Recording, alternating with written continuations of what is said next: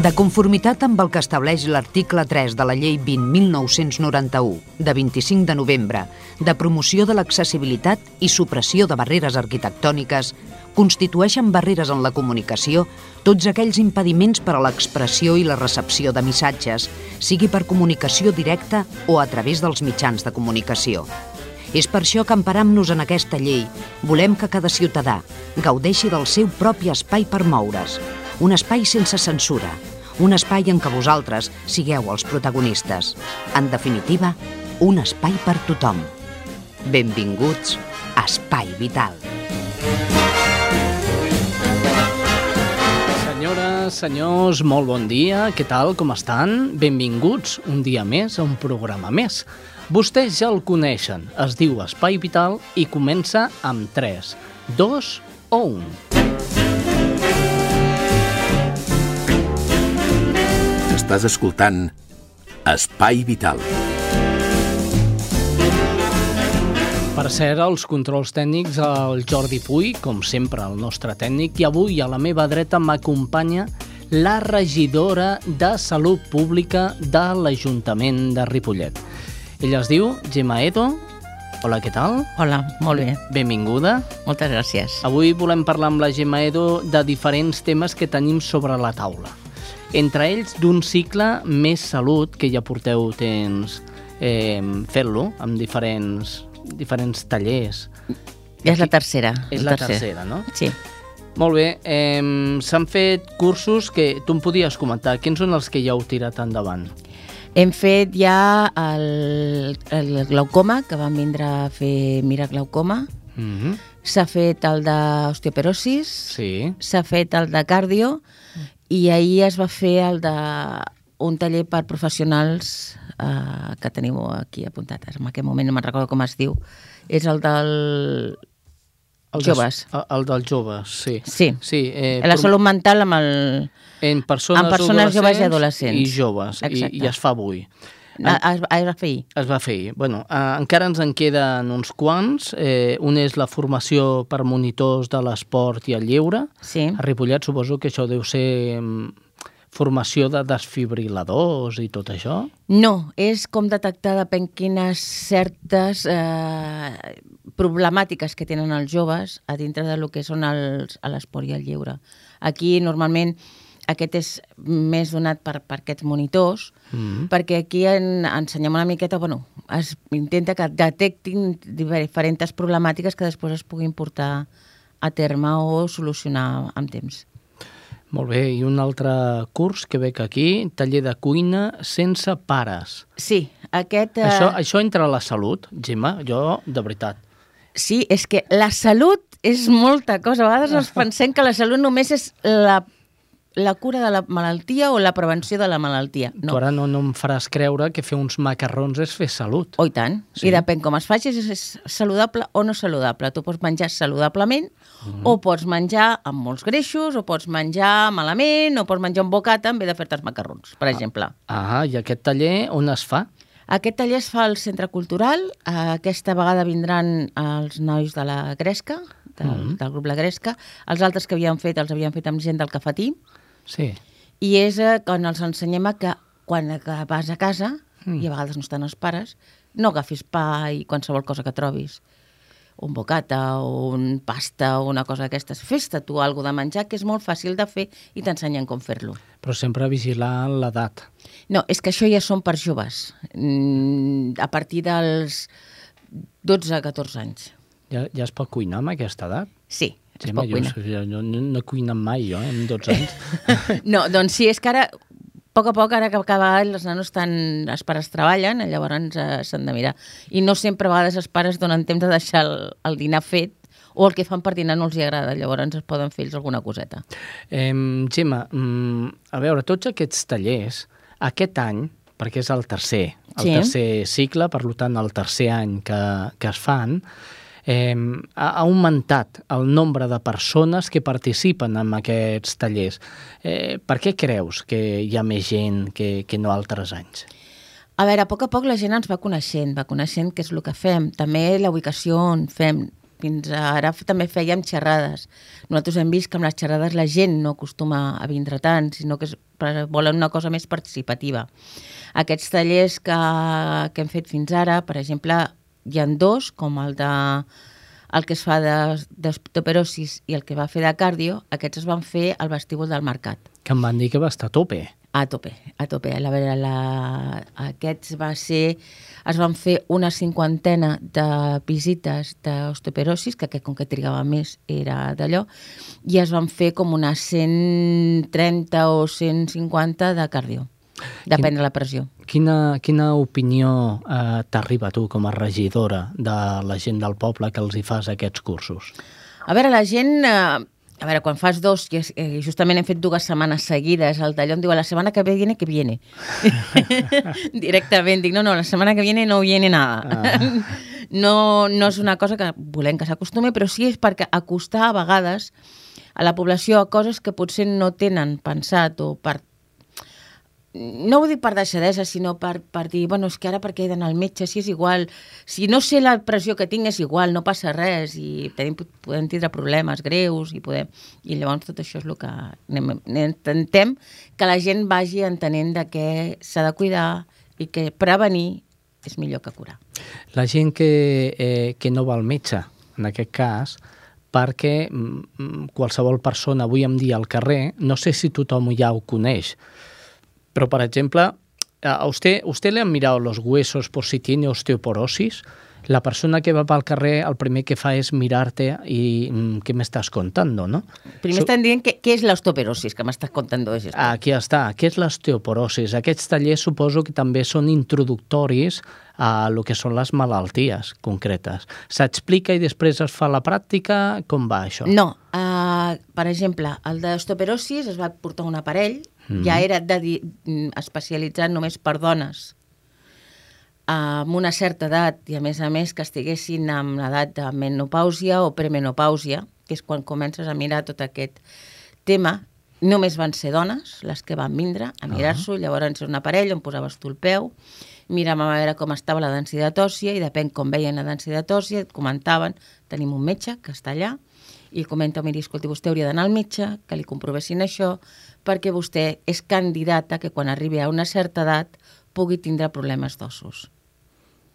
A l'osteoporosis vol dir que a l'os es fa més prim i llavors tenim risc de trencar els, els diferents ossos. La, allò que diem, mira, una iaia se li ha, trencat, ha caigut i s'ha trencat. No, normalment és que s'ha trencat i per això s'ha caigut. Ah. I llavors és això el que nosaltres intentem, que la gent vagi veient que hi han coses que s'han de fer, ha de menjar més calci o ha de menjar altres aliments que no són la llet, que també porten calci. I en aquest sentit que ens estàs explicant, i dic jo ara que fa poc ha passat el Dia Mundial en lluita contra el càncer de mama, mm. no heu previst fer algun taller per, per càncer de mama? A veure, els tallers aquests, és, eh, com que es fan al públic i en d'allò, un taller per càncer de mama, has d'ensenyar com s'ha de tocar el pit, com has de buscar diferents coses. Això és de fer-ho a, a, a nu. Depèn quin tipus de coses on les fem, mm. no es poden fer. No, no és que no es vulguin fer, és que no es poden fer. Va. Perquè no aniràs algú allà, al mig del, del, del, del vestíbul del mercat, algú que es tregui la d'allò, que es quedi sense sostens i que es vagi tocant el pit. Has d'explicar-ho molt, molt, molt bé i ensenyar a les dones que es toquin el seu propi pit. Per això és important... No pots ensenyar-los aquí. Però per això és important no, no només fer els tallers a, al centre del poble, sinó també és important que aquests tallers es puguin fer amb sales com el centre Nosaltres cultural. el que sí que els donem és informació on poden anar fet cert tipus de coses que mm. nosaltres a vegades no les podem fer. Nosaltres tots els tallers aquests els hi mirem de fer gratuïts, que siguin al menys cost per l'Ajuntament, però gens cost pel, pel ciutadà. Parlem... Llavors, no sempre pot ser així. En parlem en breus instants. Molt bé. He tenido muy poca autoestima, muchas inseguridades y sigo sintiéndome poquita cosa al lado de los demás. Soc Mercè, afectada de psoriasi i membre d'Acció Psoriasi. Si vols conèixer el veritable impacte de la psoriasi, una malaltia que va més enllà de la pell, et convido que visitis enprimerplano.org. Fa un mes tenia dos fills. Ara també. Fa un mes m'encantava passejar. Ara també. Fa un mes em quedava dormida cada nit davant de la tele. Ara també. Fa un mes em van diagnosticar esquizofrènia. Fa un segon, jo era la mateixa persona que ara, però tu potser ja no em veus igual. Per la salut mental, no a la discriminació. Sí a les persones. Obertament.org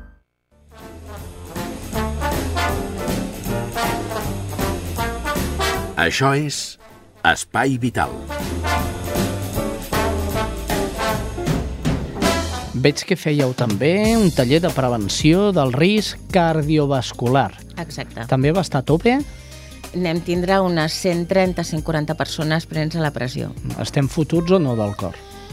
A veure, és prevenció, ja ho dic directament, és prevenció, no, i el que, el que es feia és pren, prendre la pressió, on mm -hmm. teníem infermeres dels tres caps, mm -hmm. que estan a Ripollet, tant Farigola com Canaletes, ai, Canaletes, perdona, Pinatons com el Capo, perdoneu, és que porto una mica de descontrol, em depèn quines altres coses. Uh -huh.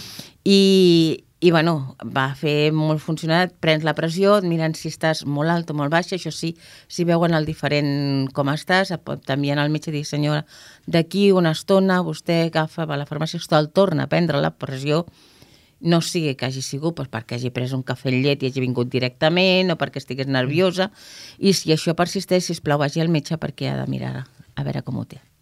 Molt bé, propers tallers que tingueu pensats? Això dels... Només fem el cicle de salut, el fem al novembre de cada any, Mm -hmm. i fem només aquests. El que fem després ja és el plantar cara a la calor i És a dir, coses. que no s'incorporen més tallers, per exemple? No... Farem nous tallers, però al novembre, És a amb dir, el segle. Ja, però l'any Fem- que, l'any que ve tornem a fer el cardiovascular, tornem No a fer sé. el cuina sense... Ah, No ho sé, és que això depèn cada any de Val. quan comença l'any, mitjans, comencem a parlar de què podem fer al segle més salut.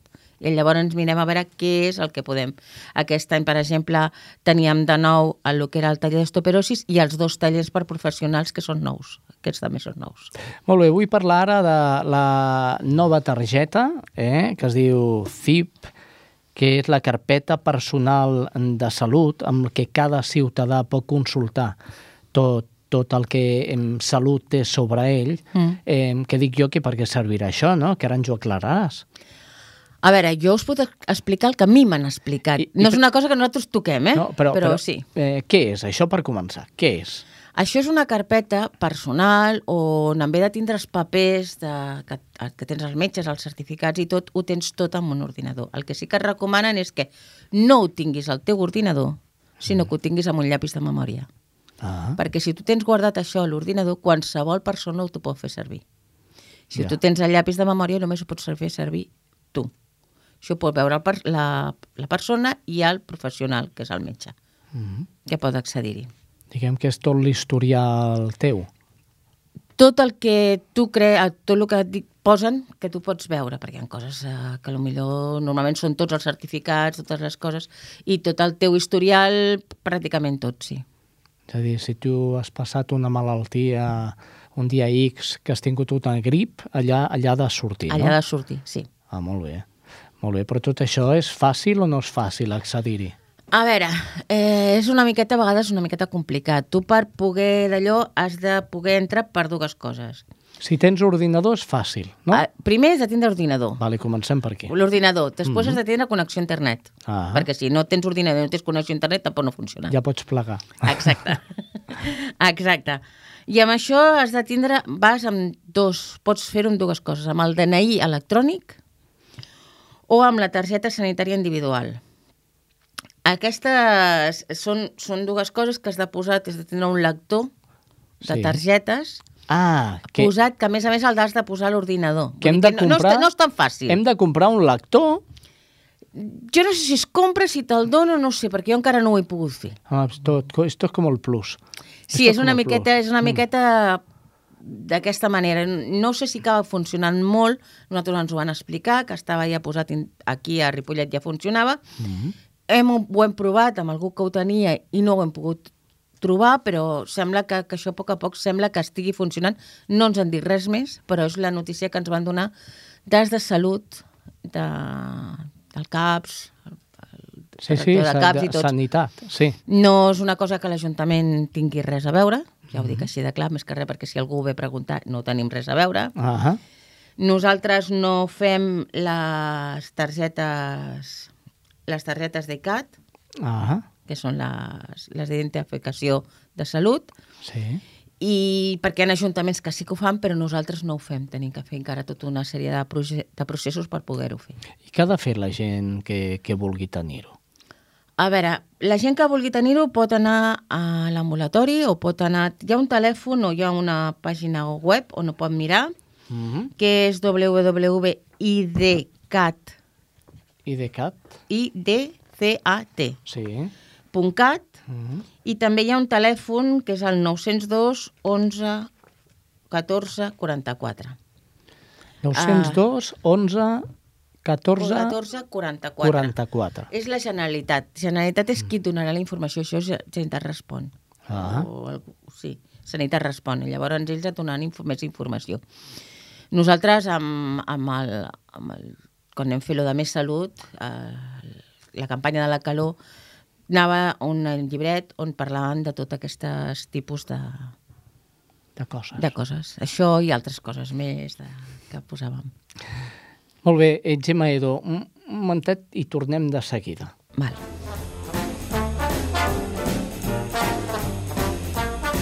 Això és Espai Vital.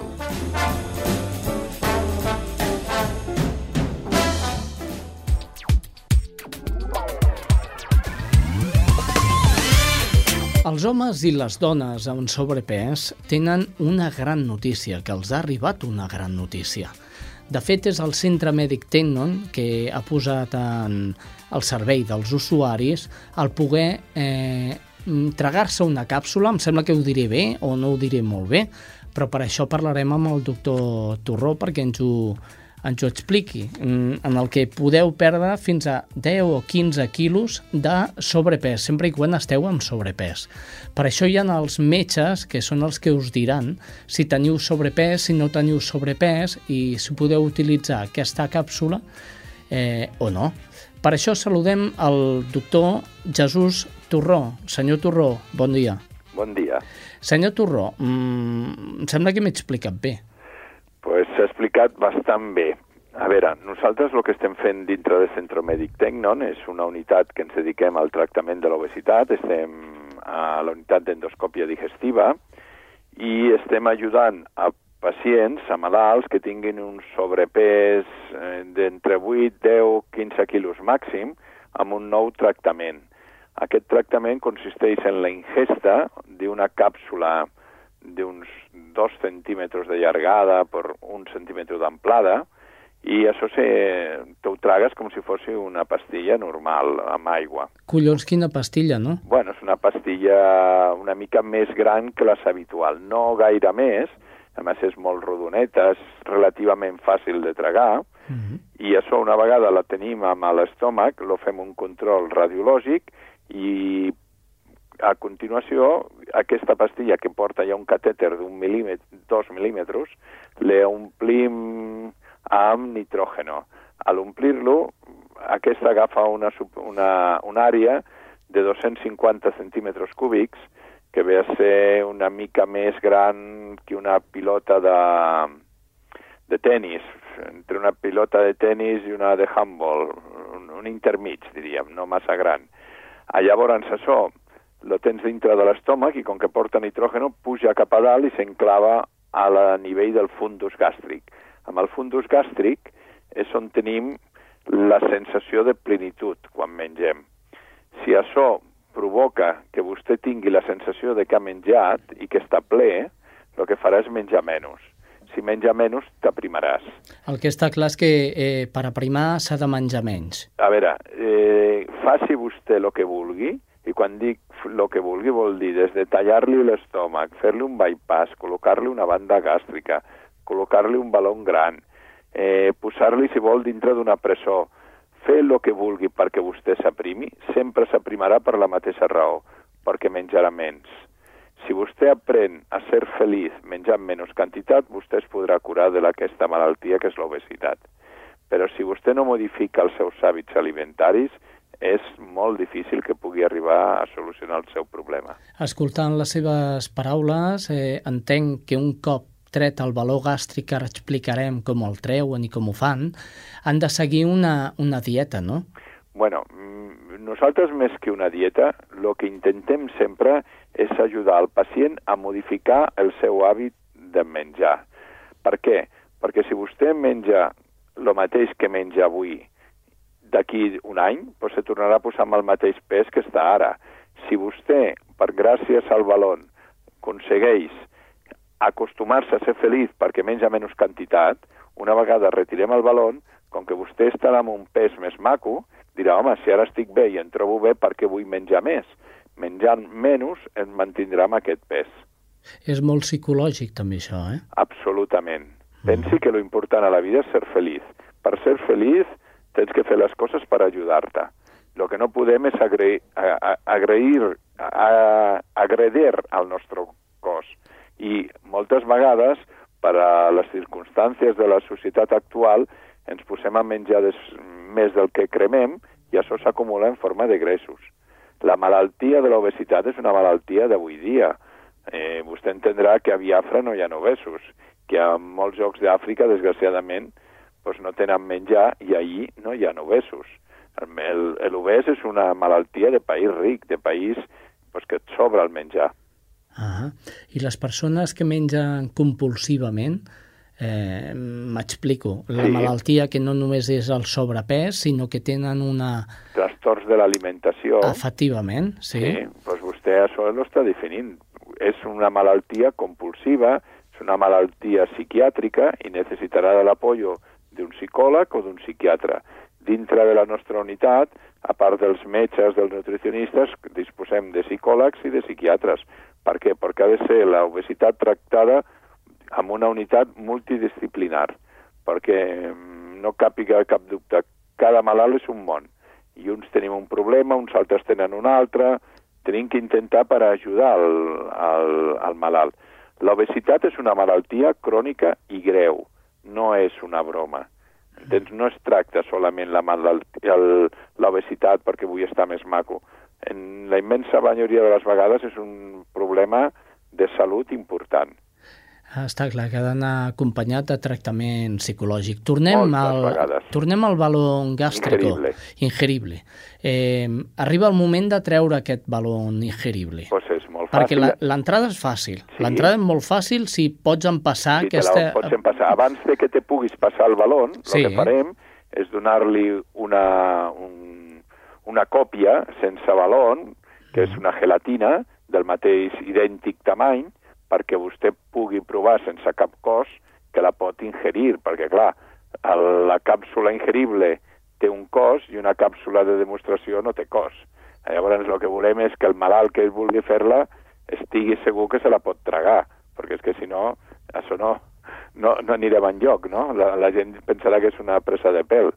Llavors, eh, una vegada te l'has tragat, la portes durant tres mesos, i amb aquests tres mesos tu aprens a menjar menys quantitat. Quan te la tenim que retirar, te farem una endoscòpia, et sedarem i te la retirarem, la punxarem primerament i després amb unes pinces especials que ja tenim, l'agafem i la traiem per la boca i el malalt no pateix res, no s'entera de res. El gas introduït no serà nociu per No, en la absolut, salut, no? absolut. Pensi que l'aire és oxígeno i nitrógeno. Ah. És el que està vostè respirant en aquest moment. Mhm. Doncs molt bé, senyor Jesús Torró, eh, li agraïm moltíssim la seva atenció amb Espai Vital Molt bé. i ja veurem si venim cap aquí o no, que ja, ja em sobren uns quilets a mi, eh? Bueno, la, la millor manera que té que fer és intentar millorar el seu hàbit alimentari. Pensi que és el més fàcil, el més important i el que dona millor resultat. És molt car, això, senyor Torró? A veure, estem parlant d'un 1.800 euros el tractament d'un balon. A vegades es tenen que posar hasta dos, però el segon balon està sobre 700 euros. És, és car el, la càpsula en si. Després nosaltres l'únic que fem és eh, fa, eh, donar una cobertura amb el nutricionista i amb el metge Mhm. per donar un seguiment a aquests malalts. I, bueno, no, no és massa car, però indudablement és molt més barat si vostè s'aprima perquè menja i bé, que és el que recomanem a tots els malalts, primer de tot. Doctor Torró, els casos d'èxit, suposo mm, el tant per cent d'èxit, mm, no sé si el tenen controlat. Sí, a veure, miri, jo le parlo del balon normal habitual, que portem més de 10 anys, van començar els primers a l'estat espanyol, estem, ens està donant resultats d'una pèrdua de 22 quilos amb el 80% dels casos. Amb l'ingerible estem realitzant el primer treball que s'ha fet a Espanya amb 10 malalts i ara portem un mes i mig i bueno, estan portant sobre 6-7 quilos de promig cada malalt. Esperem acabar-ho d'aquí un mes i mig i llavors tindrem unes dates fiables. Aquest tractament se li pot realitzar a tothom? Sí, eh, fem a gent ja que hagin fet 18 mm, anys, intentem que entenguin per lo que serveix, si tenen trastorns de conducta o psiquiàtrics, moltes vegades no és lo ideal i no està indicat, però en teoria no té masses contraindicacions. Una hèrnia de hiato gran, aquestes serien contraindicacions. Uh -huh. Hi ha algun tipus de garantia o és el que hi ha? A veure, la garantia és que el balon funciona. La garantia de que tu, malalt, aquest balon te funcioni, nosaltres, clar, no som Déu. No, no tenim aquest poder avui per avui. Eh, el que intentem és no enganyar mai a ningú i, miri, l'explicaré fàcil. De cada 10 malalts, a un o, o un i mig no le posem res, perquè veient que no està indicat o que no ho entenen. O sigui, intentem que la gent que es posa un balon le funcioni bé. En el, fins ara portem una qualitat d'un 98% dels posats, o sigui que un 2% s'han tingut que retirar abans d'hora per intolerància del pacient al, al balon. Un tant per cent molt elevat. 2%, bueno. Molt bé. Si et toca, et toca. Doncs doctor Jesús Torró, especialista en endoscòpia digestiva del Centre Mèdic Tenon, reiterem, li agraïm moltíssim la seva atenció amb Espai Vital. Molt bé, amb vostès moltes gràcies per l'atenció.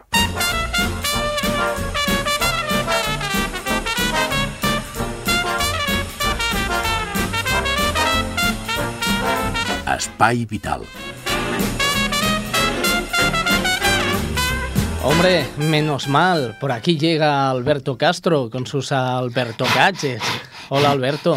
Eh, M'arriba a estar sempre, tio. Jo, jo no m'agrada dir-te sempre el mateix, però un dia t'expedientem. Però he arribat, no? Eh, sí, has arribat, has arribat. Eh, que hi havia molt de tràfic. L'expedientem a l'Alberto o no?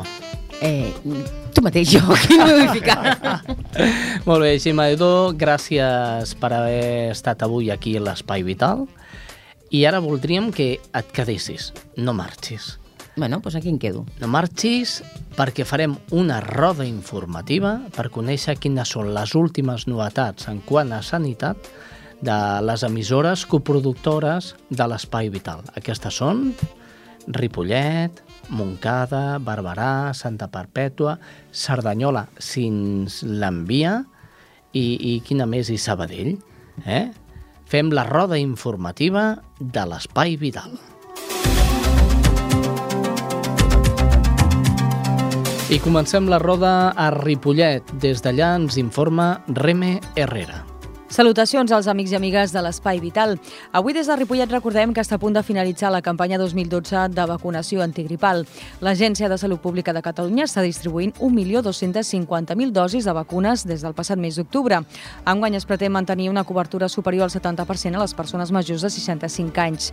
Un dels objectius del Pla de Salut 2011-2015 és l'atenció als pacients crònics i per això és que la campanya d'aquest any està insistint molt en la importància de la vacunació d'aquests pacients. El pressupost de la campanya de vacunació d'aquest any supera els 5 milions d'euros, molt similar a la de l'any passat. Recordem que per vacunar-se només cal que s'adrecin al seu cap habitual. I això és tot per avui, fins la setmana vinent. Gràcies, Rem Herrera. De Ripollet anem corrents, corrents cap a Barberà. Des de Barberà ens informa Judit González. Salutacions a Ràdio Barberà. Barberà del Vallès ha acollit aquest dimarts una nova sessió de l'aula d'extensió universitària per la gent gran. En aquesta ocasió s'ha dut a terme la conferència Risc cardiovascular, a càrrec del llicenciat en Medicina Javier Santes Masses. A la sessió, els assistents han pogut assabentar-se de diverses dades, com que les malalties cardiovasculars són amb el càncer la causa més freqüent de mort i discapacitat a les societats desenvolupades. Tres són els principals factors de risc cardiovascular, la hipertensió arterial, la diabetis mellitus i la hipercolesterolèmia. Recordem que l'aula de coneixements és un cicle de conferències que organitza el programa de la gent gran del consistori barbarenc amb l'objectiu de posar a l'abast de la gent gran del municipi tot un seguit de propostes per tal de fomentar l'esperit de coneixement i la participació. Fins la setmana vinent. Gràcies, Judit González. I de Barberà ens anem ràpidament cap a Montcada. Des de Montcada ens informa Laura Grau. Salutacions des de Montcada. Trobar feina avui dia comença a ser una odissea per molta gent. La situació no és fàcil per ningú, però és especialment complicada per a aquelles persones que han estat apartades de la societat durant un temps de la seva vida, complint condemna en algun centre penitenciari. Són molt conscients d'aquesta realitat els 16 alumnes del programa de formació Reincorpora, que promou la Fundació La Caixa amb la col·laboració del Departament de Justícia de la Generalitat i en què participa per segon any consecutiu l'associació Andròmines. Els reclusos, la majoria en règim de tercer grau o a punt d'obtenir la llibertat condicional, acudeixen de dilluns a divendres al Servei de Promoció Econòmica on fan el curs sobre la gestió de residus que els ha de facilitar la seva incorporació al món laboral. La formació també inclou pràctiques en empreses. Tots ells fan un gran esforç per anar a les classes i retrobar-se amb les obligacions que comporta assistir a un curs en el qual han dipositat moltes esperances i que alhora els està descobrint una realitat que desconeixien sobre el món dels residus i el reciclatge. Un dels reptes dels alumnes del curs és l'organització d'un mercat d'intercanvi el 24 de novembre a la plaça de l'Església. La iniciativa s'emmarca en la Setmana Europea del Medi Ambient i el seu objectiu és fomentar l'intercanvi d'objectes de segona mà sense la intervenció dels diners. Això és tot des de Montcada Ràdio per l'Espai Vital. Gràcies, Laura Grau. I anem cap a l'altra punta del Vallès. Allà ens referim a Santa Perpètua. Allà es troba la Marta Hiraldo. Bon dia des de Santa Perpètua. El 29 de novembre, Molins de Rei acollirà la primera passejada del cicle Ascent cap al 100, que enguany tindrà com a escenaris també Santa Perpètua, Gelida i Sant Padó. Les inscripcions per la primera sortida encara estan obertes. El programa està organitzat per l'àrea d'esports de la Diputació de Barcelona. L'activitat està pensada per a majors de 60 anys, però també hi poden participar persones de menys edat. L'objectiu del cicle és fomentar l'interès entre la gent gran a fer caminades amb regularitat, relacionar-se amb el medi ambient i fomentar les relacions interpersonals. Això és tot des de Santa Perpètua. Gràcies, Marta Hiraldo, des de Santa Perpètua. I de Santa Perpètua anem cap a Sabadell. Des de Sabadell ens informa Karen Madrid. Salutacions des de Sabadell. La meitat de persones afectades pel Parkinson, una malaltia neurològica degenerativa, no ho saben. De fet, es calcula que a la ciutat hi ha 600 persones amb aquesta patologia, 300 de les quals no han estat encara diagnosticades. Per canviar aquestes xifres i facilitar la detecció precoç, el fundador de l'Associació Vallès Amics de la Neurologia, l'Avant, el doctor Miquel Aguilar, i també l'expresident del Club Natació Sabadell, Carles Ruiz, afectat per la malaltia, han creat l'associació Parkinson Ara. L'objectiu de l'entitat és fer tres conferències cada any obertes a tota la ciutadania perquè tothom sigui conscient dels indicadors de la patologia, com poden ser la pèrdua de l'olfacte, baixades de tensió, alteracions del son o problemes a l'hora d'orinar. És tot des de Sabadell. Eh, gràcies, Sabadell, i anem cap a Cerdanyola.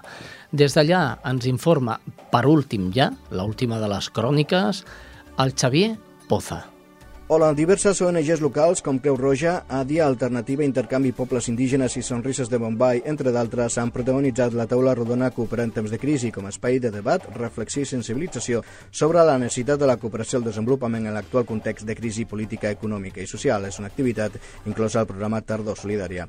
El representant de Creu Roja, Manolo Martínez, considera que la cooperació es fonamenta en tres pilars bàsics, l'econòmic, el polític i el social, sent el primer d'ells l'econòmic el més influent. I és en aquest sentit que Martínez assenyala assenyala un dels problemes de moltes associacions que van néixer en el boom econòmic, les quals, atès el crític moment econòmic que es viu, veu amb un futur no gaire prometedor. Martínez creu que hauran d'abandonar per manca de capacitat per generar recursos amb els que afrontar els projectes que han iniciat. Per la seva banda, la directora de la Càtedra UNESCO Salut Visual i Desenvolupament, Laura Guissasola, mostra la seva preocupació pel sentiment cada vegada més estès en la nostra societat que es qüestiona la necessitat de destinar els recursos a països llunyans i no a l'entorn més proper. Això és tot des de Cerdanyola Ràdio. Què passaria si mengessis només una vegada? que al cap de poques hores començaries a sentir fatiga i mareig. Després et baixaria la pressió i la temperatura corporal. Et sentiries molt feble i perdries el coneixement. Què passa si dones sang només una vegada? Que al cap de pocs dies ens comencen a faltar glòbuls vermells. Després baixen les nostres reserves per fer transfusions. Tot seguit comencem a trobar que ens manquen plaquetes. Així no podem ajudar els malalts de càncer, ni podem atendre emergències. Necessitem que tornis a donar sang, com tu necessites tornar a menjar. Amb una vegada no n'hi ha prou. Vine a donar. Banc de sang.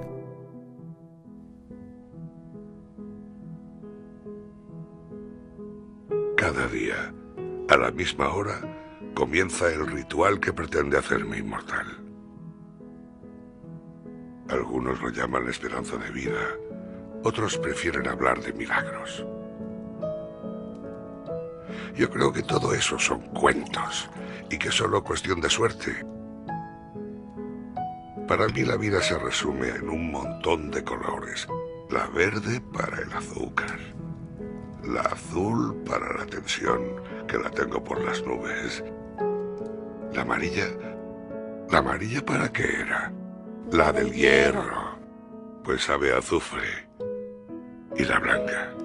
Esta es la más importante, la que tomo para ayudar a los que no tienen pastillas para curarse. Yo le digo a mi nieto que lo que me está curando es esta pastillita y él me mira como si estuviera loco y me dice, imposible. Pero eso es lo bueno de tener años, que uno puede creer ya en lo que le dé la gana.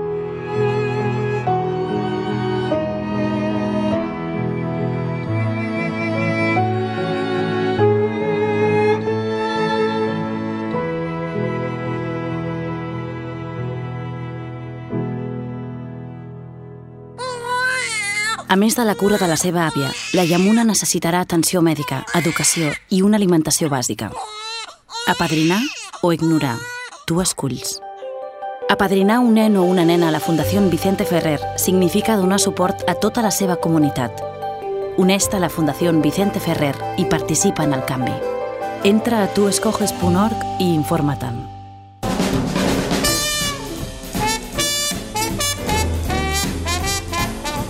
Estàs escoltant Espai Vital. I des de Ripollet, Cerdanyola, Montcada, Barberà, Santa Perpètua i Sabadell. Ja no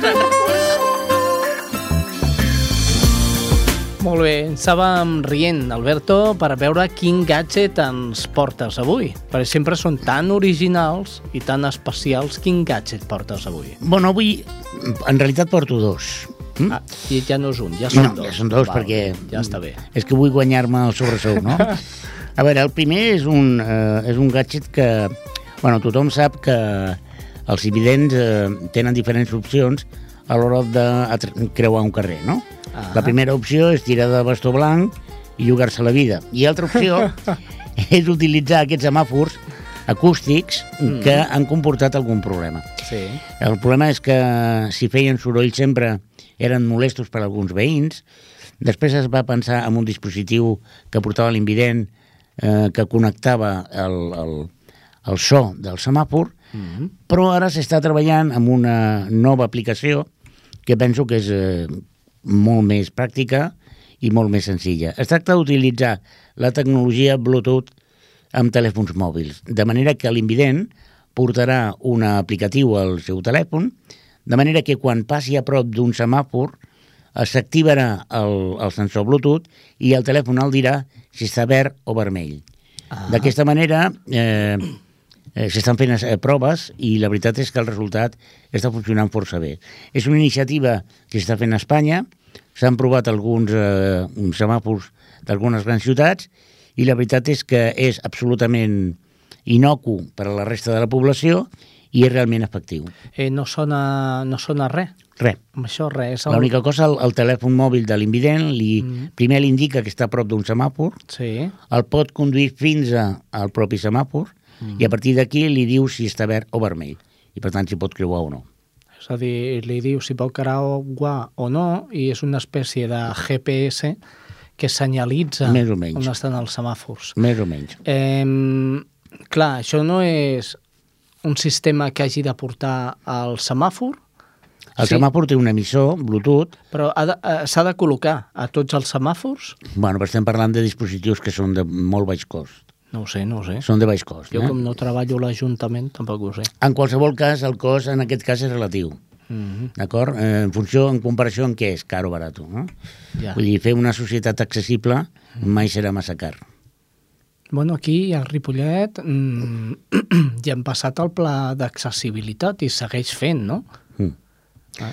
Sí, bueno, és un repte. Eh, eh, S'han fet coses importants, Mm. en el cas de Ripollet, s'han fet intervencions, sobretot urbanístiques, molt importants. Jo diria que el 99% dels carrers de Ripollet són accessibles, que el, el 95% de les creuilles de Ripollet són accessibles, i això, tot i que queda molta feina per fer, mm, sobretot per altres col·lectius, no? Ah. Però bueno, és un tema que hem de continuar treballant. Poquet a poquet. Mm. Molt bé, doncs un gadget em sembla que és força interessant, força interessant i que es podria aplicar Mhm. aquí a Ripollet, per exemple. I a tot arreu. Ah, efectivament. Després hi ha una altra, una altra cosa, que més que un gadget és una... com utilitzar un aplicatiu. És a dir, a veure, moltes vegades la gent que anem en cadira de rodes, quan ens conviden a anar, a anar a casa d'un amic, o a un restaurant, o a un local, sempre tenim el dubte de si estarà o no estarà accessible. Uh -huh. Doncs bé, hi ha un aplicatiu que és de, de domini públic, que és el Google Maps, Sí. d'acord? Eh, que el Google Maps té una funció que es diu el Street View, que pots veure exactament el carrer on vas, però no des de dalt, sinó com si estiguessis a peu de carrer. És una petita eh, trampa, és a dir, si jo he d'anar, per exemple, al carrer Tamarit 25, perquè m'han convidat a sopar a un restaurant, puc, a través de l'Strict View, veure la façana d'aquest local i com a mínim saber si té escales, si no té escales. És a dir, és un aplicatiu de cost zero que en, en un moment donat et pots eh, evitar sorpreses desagradables quan arribes al local i et trobes que té tres, quatre escales o que té un esglaó enorme, no? Després ha el que, el que resulta que està adaptat, eh, el restaurant que està adaptat, però només pel dia que ells volen. És a dir, de, tenen una rampa que la van traient i posant i resulta que el dia que tu mires al Google Map doncs no està la rampa, però que ell està adaptat pel dia que tu puguis anar. Doncs bé, ja també és un aplicatiu important per persones amb mobilitat reduïda i usuàries de, de cadira de rodes. Doncs molt bé, Alberto, moltíssimes gràcies pels dos gadgets d'avui i fins la setmana vinent. A vosaltres. I ara anem a escoltar la cuina de Conxita Naudi. És cuina adaptada.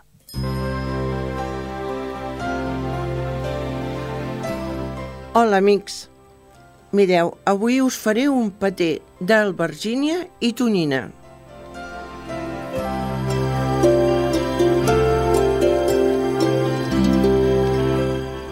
Mireu, els ingredients seran una esvergínia grossa, dues llaunes de tonyina petites d'oli d'oliva, una cullerada d'olivada, pebre negre i torradetes de pa per acompanyar.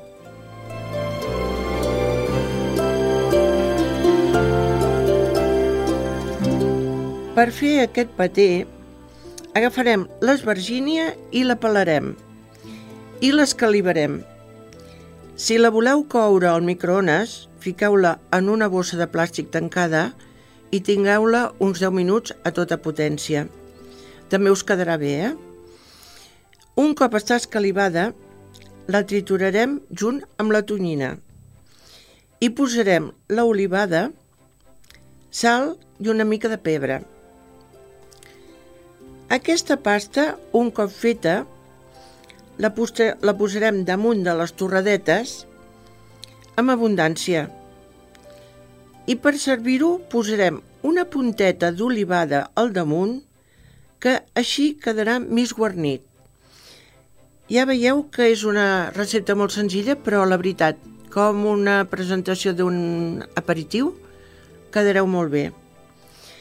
Doncs res més, disfruteu.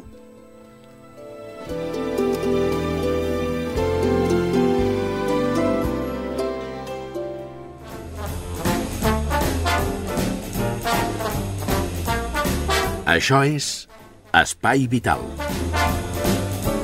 Doncs ja ho teniu clar, no? Paté de tonyina i el barregínia. Eh, gràcies, Conxita Naudi. I ara és moment ja d'acomiadar-nos. Gràcies, Alberto Castro. De res, ha Por estat es- un plaer. Per ese par de gadgets, gadgetillos, eh? Que ens has portat Ep, avui. ep, Gadget, gadgetillos. És que els altres gadgets eren més impressionants. Bueno, tinc un preparat que sorprendrà. Mm, bé. Que sorprendrà i molt. La setmana vinent? Si arriba l'hora, sí. Molt bé, Gemma Edo, gràcies per la teva assistència a l'Espai Vital. Moltes gràcies a vosaltres, I un t'an- plaer. I t'animem a que segueixis fent aquests tallers de salut pública que són tan interessants. El taller que falta ja te l'he comentat, però ja en propers cicles ja en parlarem. Molt bé, i a vostès, gràcies per la seva atenció. Els recordo un correu electrònic per si volen vostès dir la seva. És radioespaivital arroba telefònica.net. Repeteixo, radioespaivital arroba telefònica.net. I una adreça de, de, de pàgina web, per si voleu venir o veure el nostre blog, és les 3 W, ràdio, guioal, espai, guioal, vital, punt, blogspot.com ràdio guioal, espai, guioal, eh, vital, punt, blogspot.com I no seria més fàcil posar-ho en el Google. Sí, en, en el Google tu poses Espai Vital i la primera opció que surt és, És és el blog de l'Espai Vital. No, però és que m'ha dit el Jordi, és que has de, has de parlar molt perquè si no no arribem al final del programa. I al final del programa ja ha arribat, i ha arribat amb una música que... Gemma, quin tema t'agradaria escoltar? A veure, a mi m'anima moltíssim, quan estic així una mica baixa d'ànims, és el Bon dia dels pets. Bon dia dels pets. Doncs els dits del tècnic, el Jordi Puy, que ha fet que soni ara mateix els pets. Senyors, fins la setmana vinent.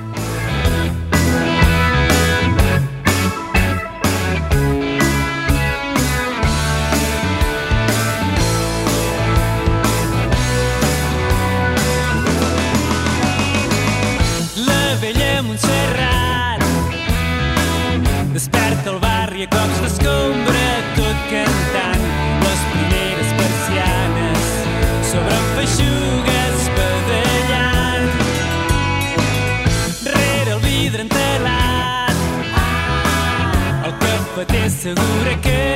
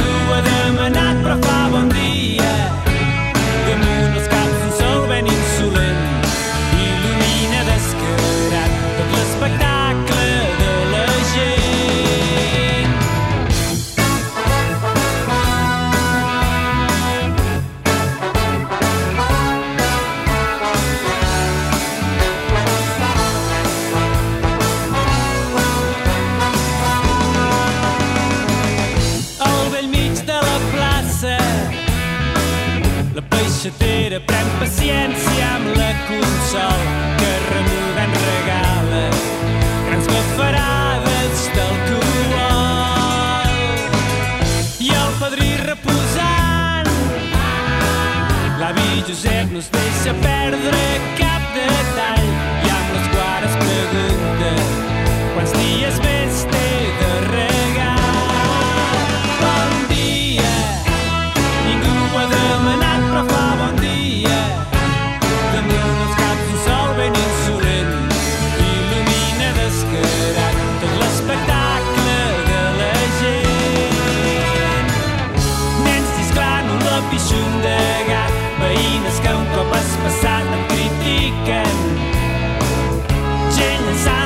sever